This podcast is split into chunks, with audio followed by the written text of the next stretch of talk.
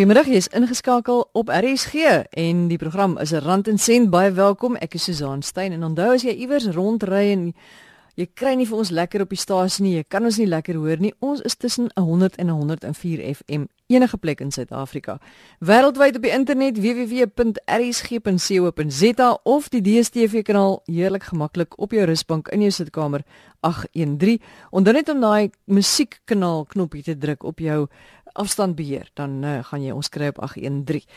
Ons gaan vanmiddag praat 'n bietjie later oor noodfondse. Dit is nou as jy skielik 'n onvoorsiene uitgawe het en um, jy miskien 'n groot klomp geld bymekaar kry om daarvoor te betaal. Hoe spaar 'n mens vir so 'n noodfonds as jy byna nie eers geld het om net al die nodige uitgawes deur die jaar te dek nie en wat presies is so 'n noodfonds. Dan het ons ook 'n tyd gelede gepraat oor aftreeprodukte, maar ons gaan spesifiek kyk na maatskappye se aftreeprodukte. Ons het 2 weke gelede gepraat met RR Tenison. Uh, dit het gegaan oor die groot hoeveelheid fooie of die groot fooie wat mense betaal vir aftreefondse en hoekom ons dikwels te veel betaal en hoe ons moet keer dat ons in daai slag het beland. Maar vanmiddag gaan ons bietjie kyk na die verskillende soorte aftreefondse wat die verskille is en hoekom jy nou noodwendig in die een sal belê en nie in die ander nie. En Errat, miskien moet jy net vir ons weer ehm um, help en sê wat is die verskillende fondse want daar is alleenstaande fondse, daar's voorsorgfondse, daar's sambreelfondse. Wat is die verskillende fondse? O, oh, en miskien moet ek jou net voorstel eers aan ons luisteraars. Erard is 'n korporatiewe konsultant by Old Mutual. Hy is in hulle korporatiewe konsultante afdeling. Hulle help groot maatskappye om dise aftreefondse te bestuur. Die twee groot aftreefondse wat beskikbaar is vir lede wanneer hulle by 'n maatskappy begin werk, is 'n pensioenfonds of 'n voorsorgfonds. Nou, die basiese verskil tussen 'n pensioenfonds en 'n voorsorgfonds kom in wanneer jy aftrede ouderdom bereik. Daar was meer verskille in die verlede, maar uh, wetgewing wat vroeër hierdie jaar bekend gestel is, het meeste van daardie verskille uit die weg geruim. Die groot verskil tussen 'n voorsorgfonds en 'n pensioenfonds heidaglik is as jy 'n lid van 'n voorsorgfonds is, kan jy al jou opgehoopte krediet wat beskikbaar is in daardie fonds in kontant neem wanneer jy aftrede bereik. En in 'n pensioenfonds stel wetgewing voor of wetgewing vereis dat jy met ten minste 2/3 van jou opgehoopte krediet 'n pensioen moet aankoop wat vir jou dan 'n maandelikse inkomste sal gee. Jy kan dan sou jy wou 1/3 in kontant neem. Ek wil net graag noem dat as jy lid van 'n voorsorgfonds is, kan jy nog steeds 'n pensioen aankoop. Jy jy jy word nie verplig om jou geld in kontant te neem nie, maar die opsie is daar om al jou geld in kontant te neem. Uiteraard sal daar dan nou belasting gehef word, maar uh, die opsie is daar vir voorsorgfondslede en dit is nie daar vir pensioenfondslede nie. En natuurlik is dit nie dit is nie die ideaal dat jy daai geld vat en ja, miskien as jy wil gaan woeker daarmee, maar as jy dan daai geld wil gaan vat en jy wil huisverbeterings aanbring, dit is nie die ideaal nie, want jy moet dink aan jou aftrede. Ja, absoluut. Sambreelfondse. As jy miskien net vir ons kan verduidelik hoe presies wat is sambreelfondse? Hoe werk dit? Hoekom is dit tot my voordeel? Susan, behalwe vir pensioen en voorsorgfondse kry jy sambreelfondse en alleenstaande fondse. En in beide sambreelfondse en alleenstaande fondse kry jy voorsorg en pensioenfondse net om dit meer interessanter te maak. Ek dink dit is uh, dit sal tog uh, nuttig wees om vir die luisteraars net vinnig 'n uh, stapie terug te neem. Ehm um, want ek dink meeste van die luisteraars kan dalk wanneer hulle dink aan aftreefondse dink aan die meer ouer bestel wat geheers het 'n paar jaar terug waar jou pensioen bereken was op 'n vaste voordeelbasis. In kort wat dit beteken is jou pensioen wat jy eendag sou ontvang is berekenbaar of word vasgevang in die reëls van die fonds. So as jy ek soveel jare gewerk het en jy weet wat jou um, inkomste is wanneer jy aftree nader kan jy presies jou pensioen gaan bereken en die onus is op jou werkgewer om seker te maak dat daardie pensioen wat ingeets is in die reëls aan jou beskikbaar dan is. Die meerderheid werkgewers het wegbeweeg van daardie bestel af bloot omdat dit nie meer bekostigbaar is nie. Ek weet Detroit in Michigan in Amerika het 'n paar jaar gelede groot finansiële moeilikheid gehad omdat hulle nie meer die verpligtinge op hulle vaste voordeelfondse kon nakom nie. So meeste fondse is vaste bydraefondse wat dit beteken is die werkgewer beloof jou nie meer wat jou pensioen gaan wees eendag nie. Hy sê net wat jou fisiese bydrae elke maand sal wees, wat sy bydrae namens jou sal wees en dat daardie geld belê sal wees. Wat ook al die markte dan maak met jou geld, die onus is absoluut op jou om dan eendag uh, met die krediet wat beskikbaar is 'n pensioen aan te koop. So, dan beweeg ons na breelfondse en na alleenstaande fondse toe. 'n Werkgewer wat 'n alleenstaande fonds het, beteken bloot 'n raad van trustees wat die fonds bestuur word gekies uit werkgewers of werknemers wat werk by die maatskappy of natuurlik kan dan nou onafhanklike trustees ook wees, maar dit is net die spesifieke werkgewer wie se werknemers deelneem aan daardie fonds. Geen ander lede word toegelaat om aan daardie fonds deel te neem nie.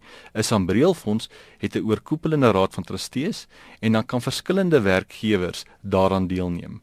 Daar sal 'n standaard stel reëls wees vir al die vir al die werkgewers wat aan 'n Sambreel fonds deelneem en dit is maar in lyn in lyn met wetgewing en dan sal daar ook 'n spesifieke stel reëls wees wat van toepassing is net op daardie werkgewer alleen wat wat wat deelneem aan die aan die Sambreel fonds. Sambreel fondse lyk dit my is is besig om bietjie meer gewild te raak. Wie die regering kies ook uh, of of is ook voorstanders van Sambreel fondse. Hoekom is dit so? Susan daar daar's verskeie redes. Die die groot rede is kostebesparing. Die regering het 'n paar jaar gelede al besluit dat aftreefondse daar moet wees om om verlede te help spaar vir hulle aftrede, nie om noodwendig fooie vir diensverskaffers te betaal nie of hoë fooie vir diensverskaffers te betaal nie. Sambreel fondse oor die algemeen en en veral die die paar grootes wat in die land ehm uh, bestaan, kan omdat hulle so groot is, baie meer gunstige fooie onderhandel by diensverskaffers wanneer dit kom by administrasie of konsultasiewerk of die beleggingsfooie wat betaalbaar is wat 'n alleenstaande fonds nie noodwendig sal kan doen nie wat ook baie gunstig is in 'n Sambreelfonds is die trustees is professioneel. So hulle kan alle tyd en energie spandeer aan die bestuur van hierdie Sambreelfonds waar uh, op 'n alleenstaande fonds die trustees ook werknemers van die van die maatskappy is. So hulle moet hulle aandag half verdeel tussen hulle pligte as werknemers en hulle pligte as trustees en hulle is nie noodwendig professionele trustees nie. Trustees word deesdae aanspreeklik gehou in hulle persoonlike hoedanigheid vir die besluite wat hulle neem. En daar is gevalle waar trustees al hof toe gevat is en suksesvol hof toe gevat is deur gegriefde lede. En dit skrik baie baie uh, voornemende trustees af en baie werkgewers af. Werkgewers word al hoe meer of is al hoe meer van mening dat pensioenfonde of voorsorgfonde is nie hulle primêre besigheid nie. Dis hoekom hulle liewers na 'n sambreelfonds toeskuif waar hulle weet 'n professionele raad van trustees sal teen beter fooie na hulle na hulle aftreesake kan kyk. Ek het nou al geleer dat alles in die lewe 'n vangplekkie. So wat is die vangplek van Sambreelfondse? Of wat sal die die nadeel wees om dit so te stel? Baie werkgewers het 'n uh, mate van 'n paternalistiese um, houding nog as dit kom by hulle lede en hulle lede se aftreebelange en daar is niks fout daarmee nie. Werkgewers wat wat hierdie siening huldig, hou nie noodwendig van Sambreelfondse nie want die beheer word so klein bietjie weggeneem en en val nou onder die vaandel van die oorkoepelende raad van trustees.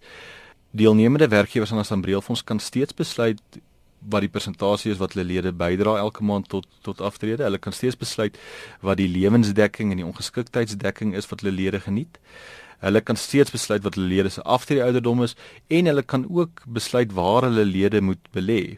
Maar wanneer dit kom by byvoorbeeld die besluit oor hoe om 'n doodsvoordeel te versprei aan begunstigdes, val daardie plig nie meer in die hande van die ou raad van trustees of van die alleenstaande fonds of van die werkgewer alleen nie.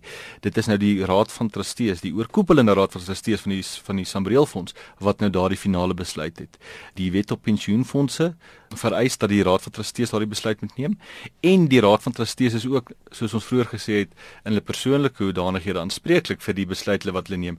So daardie besluitneming word uit die hande van die werkgewer uitgeneem en baie werk werkgewers hou nie daarvan nie, hulle hou daarvan om beheer te hou. OK, net weer jy is individu, rand en sent luisteraar. Ehm um, wat jy weet vir wie al hierdie goed nie klink en en hmm. en so aan. Wat sê jy vir vir ons as verbruikers hiervan? Waarna moet ons oplet? Wat moet ons weet? As jy by 'n maatskappy werk wat wat reeds 'n 'n fonds het, dan moet jy gaan uitvind wat se tipe fonds dit is, wie die fonds administreer en of dit 'n sambreel vir alleenstaande fonds is.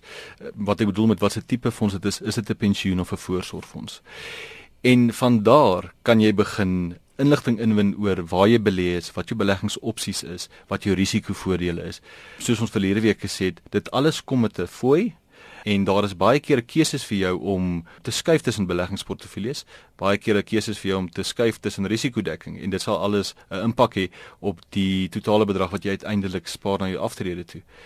Jou werkgewer en jy dra elke maand by tot jou aftrede en van daardie bydrae word administrasie konsultasie, risikodekking en beleggingsfooie afgetrek en die balans word dan belê. As jy uh, 'n gunstige pakket kan struktureer as dit kom by risikodekking en by jou beleggingsfooie, dan sal jy uit die aard van die saak meer kan spaar op 'n maandelikse basis na jou aftrede toe. Maar sien nou maar jou die maatskappy vir wie jy werk besluit nie ons gaan belê in 'n alleenstaande fonds. Dan het jy nie eintlik 'n keuse nie, jy moet maar. Jy kan nie sê nee nee nee nee, wag, ek wil by 'n Sambreel fonds wees nie. As dit in jou indiensnemingskontrak is dat jy aan jou werkgewer se fonds moet behoort, ja, dan is daar nie veel wat jy kan doen nie. Jy kan uiteraard jou opinie by jou werkgewer lig en daar sal baie keer baie goeie argumente wees vir alles jy in 'n alleenstaande fonds is waar jy moet skuif na 'n Sambreelfonds toe. Uh oor die algemeen is Sambreelfondse maar net baie beter verlede. Hulle kan baie meer spaar na hulle aftrede toe. Maar ja, soos jy sê, as jy nou jouself in 'n alleenstaande fonds bevind, dan is dit nou maar die keuse wat jou werkgewer uitgeoefen het en dan is daar nog steeds beweegruimte binne in 'n alleenstaande fonds. So daar is beweegruimte binne hierdie alleenstaande fondse. So jy moet maar net met jou finansiële adviseur gesels om jou te help om 'n besluit te neem van uh, presies hoe jy hierdie beweegruimte gaan gebruik. Erra, dankie. Erra Tenison, hy's 'n korporatiewe konsultant by Old Mutual in hulle korporatiewe konsultante afdeling. Hulle help groot maatskappye om hulle aftreefondse te bestuur. Jy's ingeskakel op RSG. Ons is besig met 'n rand en sent. Ons het net al gepraat of in die eerste deel van die program het ons gepraat oor die verskillende aftreefondse wat daar is vir maatskappye, alleenstaande fondse, sambreelfondse. As jy meer inligting soek of jy wil weer gaan luister na eh, van hierdie programme of enige ander program op RSG, dan gaan jy na www.rsg.co.za. Klik op potgooi. As jy na rand en sent programme opsoek is, gaan na rand en sent. Dan sal jy sien daar's datums en beskrywings van die verskillende onderwerpe wat ons in die verskillende programme bespreek het. Maar ons gaan voort in die tweede helfte praat ons dan nou oor noodfondse. Wiekus Olivier, skuldberader by DebtSafe is weer op die lyn en Wiekus, miskien moet jy sommer gou vir ons net 'n omskrywing gee of 'n beskrywing gee van presies wat 'n noodfonds nou eintlik is. Susan, 'n noodfonds is daai geldjies wat jy bymekaar maak sodat jy kan terugval op geld wat jy gespaar het en nie op skuld terugval wanneer daar 'n noodgeval nou jou sou tref nie soos byvoorbeeld wanneer jy dalk met banderyl as jy 'n slag gehad tref of die dokter wie dalk betaal met jou mediese dalk nie alles dek nie daai is nou tipiese tipe goed wat jy uit jou uit jou noodfonds uit gaan voor moet kyker. As jy nie 'n noodfonds het nie is dit kans baie goed dat jy dan nou van skuld afhanklik gaan wees om om dit dan nou te kan doen. Maar 'n noodfonds en 'n spaarfonds is twee aparte dinge. Ja noodfonds is daai geld wat jy wegsit en jy raak nie aan dit nie. As jy R2000 daarso het in jou noodfonds en dan los jy dit. As jou balans naby aan daai R2000 kom, dan weet jy jy moet nou jou besteding 'n bietjie in toom hou, maar jy raak nie aan daai geld nie. 'n Gewone spaarfonds het 'n doel wat ook nou aangekoppel as jy byvoorbeeld spaar vir 'n in die TV of 'n kar of 'n vakansie of vir jou kinders se se onderrig eendag. Daai is spesifieke spaarplan met 'n 'n doelwit. Jou noodfonds se doelwit is om net geld daar te hê vir ingeval jy dit dalk nodig het in 'n noodgeval. En hoeveel geld moet 'n mens in so 'n noodfonds hê? Die beste sou wees as jy ten minste 3 maande se uitgawes kan dek met daai noodfonds. So dit is redelik groot. Baie mense skrik as 'n oudit vir hulle sê, maar kom ons sê jy jy is dalk in 'n ongeluk en jy kan nie werk nie en jy het nie 'n inkomste beskermer nie, dan gaan jy jou uitgawes moet kan dra vir 'n tydjie. En dit is waar daai daai 3 maande dan vandaan kom. 3 maande is tipiese uh 'n lang genoeg tyd waar jy dalk al kan begin plan maak, dalk op jou bene kom, hoe kan dit sê? Maar die meeste mense word afgeskrik as jy sê 3 maande se noodfonds moet jy hê. Maar jy kan dit doen deur 'n bietjie slim om te gaan met jou finansies, kyk waar jou geld is wat uitlek wat jy nie van eh uh, tred hou nie en 'n behoorlike begroting te hê om om om jou uitgawes so te struktureer dat jy bietjie kontantvloei kan verhoog om dan daai noodfonds te help opbou. Wie is nou goed jy sê 'n mens kan begin deur 'n begroting op te stel, maar watter maniere is daar dan nou? Want jy weet daar's baie keer sal mense sê man ek het nie eers geld om mee te leef nie. Wat nou hmm. nog te sê om te spaar vir 'n noodfonds? So, hoe gaan ons nou spaar vir 'n noodfonds? Hoe dink jy kan ons geld spaar in ons alledaagse lewe sodat ons hierdie noodfonds kan begin bou? So dan om om jou spaarplan aan die gang te sit is wel een van twee dinge wat moet gebeur. En veral as jy nou sê maar jy het nie eintlik geld nie. Jy moet jou uitgawes verminder of jy moet jou inkomste vermeerder. So as ons kyk na 'n begroting, is dit jou finansiële plan wat jou in die rigting gaan vat om jou in staat te stel om te kan begin spaar. Om jou uitgawes te verminder, moet jy eers weet wat is jou uitgawes? waar spandeer jy geld wat jy nie noodwendig van bewus is nie. As jy geld trek, R1000 by die ATM en dan daai R1000 weg, weet jy waar jy dit spandeer? As jy nie weet nie, dan moet jy jouself daai vraag vra, waar gaan my geld heen? Want eers as jy dit kan doen, dan kan jy begin prioritiseer en sê maar kom ek sny hier, kom ek sny daar om my paar rand oop te maak op op 'n maandelikse basis. Dan kan jy ook deur jou fasiliteite soos jou versekerings en jou kredietfasiliteite rond te skuif te kyk na alternatiewe opsies op jou bestaande uitgawes, soos jou motorvoertuig finansie uh motorvoertuigversekering. Deur alternatiewe opsies binne daai lyn van gebruik te maak en jou krediet in te skuif in 'n goedkoper fasiliteit byvoorbeeld van 'n kredietkaart oor na 'n uh, oortrokke fasiliteit. Wat goedkoper fasiliteit is, kan jy 20 tot 30% van jou uitgawes sny op 'n maand. En as jy nou iewers skielik met 20 of 30% meer kontantvloei sit per maand, dan behoort dit jou in staat te kan stel om 'n bietjie te begin spaar. Meeste mense sukkel om net te begin. Die belangrikste punt is om net daar begin te maak. Al is dit klein, al is dit R100. R100 wat jy spaar oor 40 jaar is 'n miljoen rand vir 40 jaar vanaf. Dit klink baie lank, maar soos jy daai balans gaan sien opgaan en opgaan, gaan dit jou motiveer om nog 'n bietjie ekstra, nog 'n bietjie ekstra te sit. Want wanneer dit by spaar kom, kweek sukses, verder sukses en dit is daardie punt wat jy wil bereik waar jy 'n balans kan sien wat groei, waar jy waar jy vir jouself opsies kan oopmaak met wat jy met daai geld doen en dan gaan jy die sneeubal effek sien van al die bydrae wat jy lewer in jou spaarrekening. Wiekes dan stel julle ook voor dat wanneer mense nou gelukkig genoeg is om iets terug te kry van die belastingman, dat jy nie daai geld gebruik nie, maar dat jy dit ook gebruik om te spaar. Ja, kyk, wanneer jy 'n belastingopgawes indien en jy so gelukkig genoeg om 'n uh, om 'n ou belastinggeldjie terug te kry, gebruik jy daai geld en druk dit net so in jou spaarfonds in. Moet nie eers aan dit raak nie, want wie van ons begroot en en wie van ons uh, gaan regtig beplan om daai geld terug te kry? As dit betaal is in die opgawe aan die aan die belastingopgawe, is dit eintlik kan om betaal. Jou maandelikse begroting gaan op jou maandelikse inkomste wat jy kry.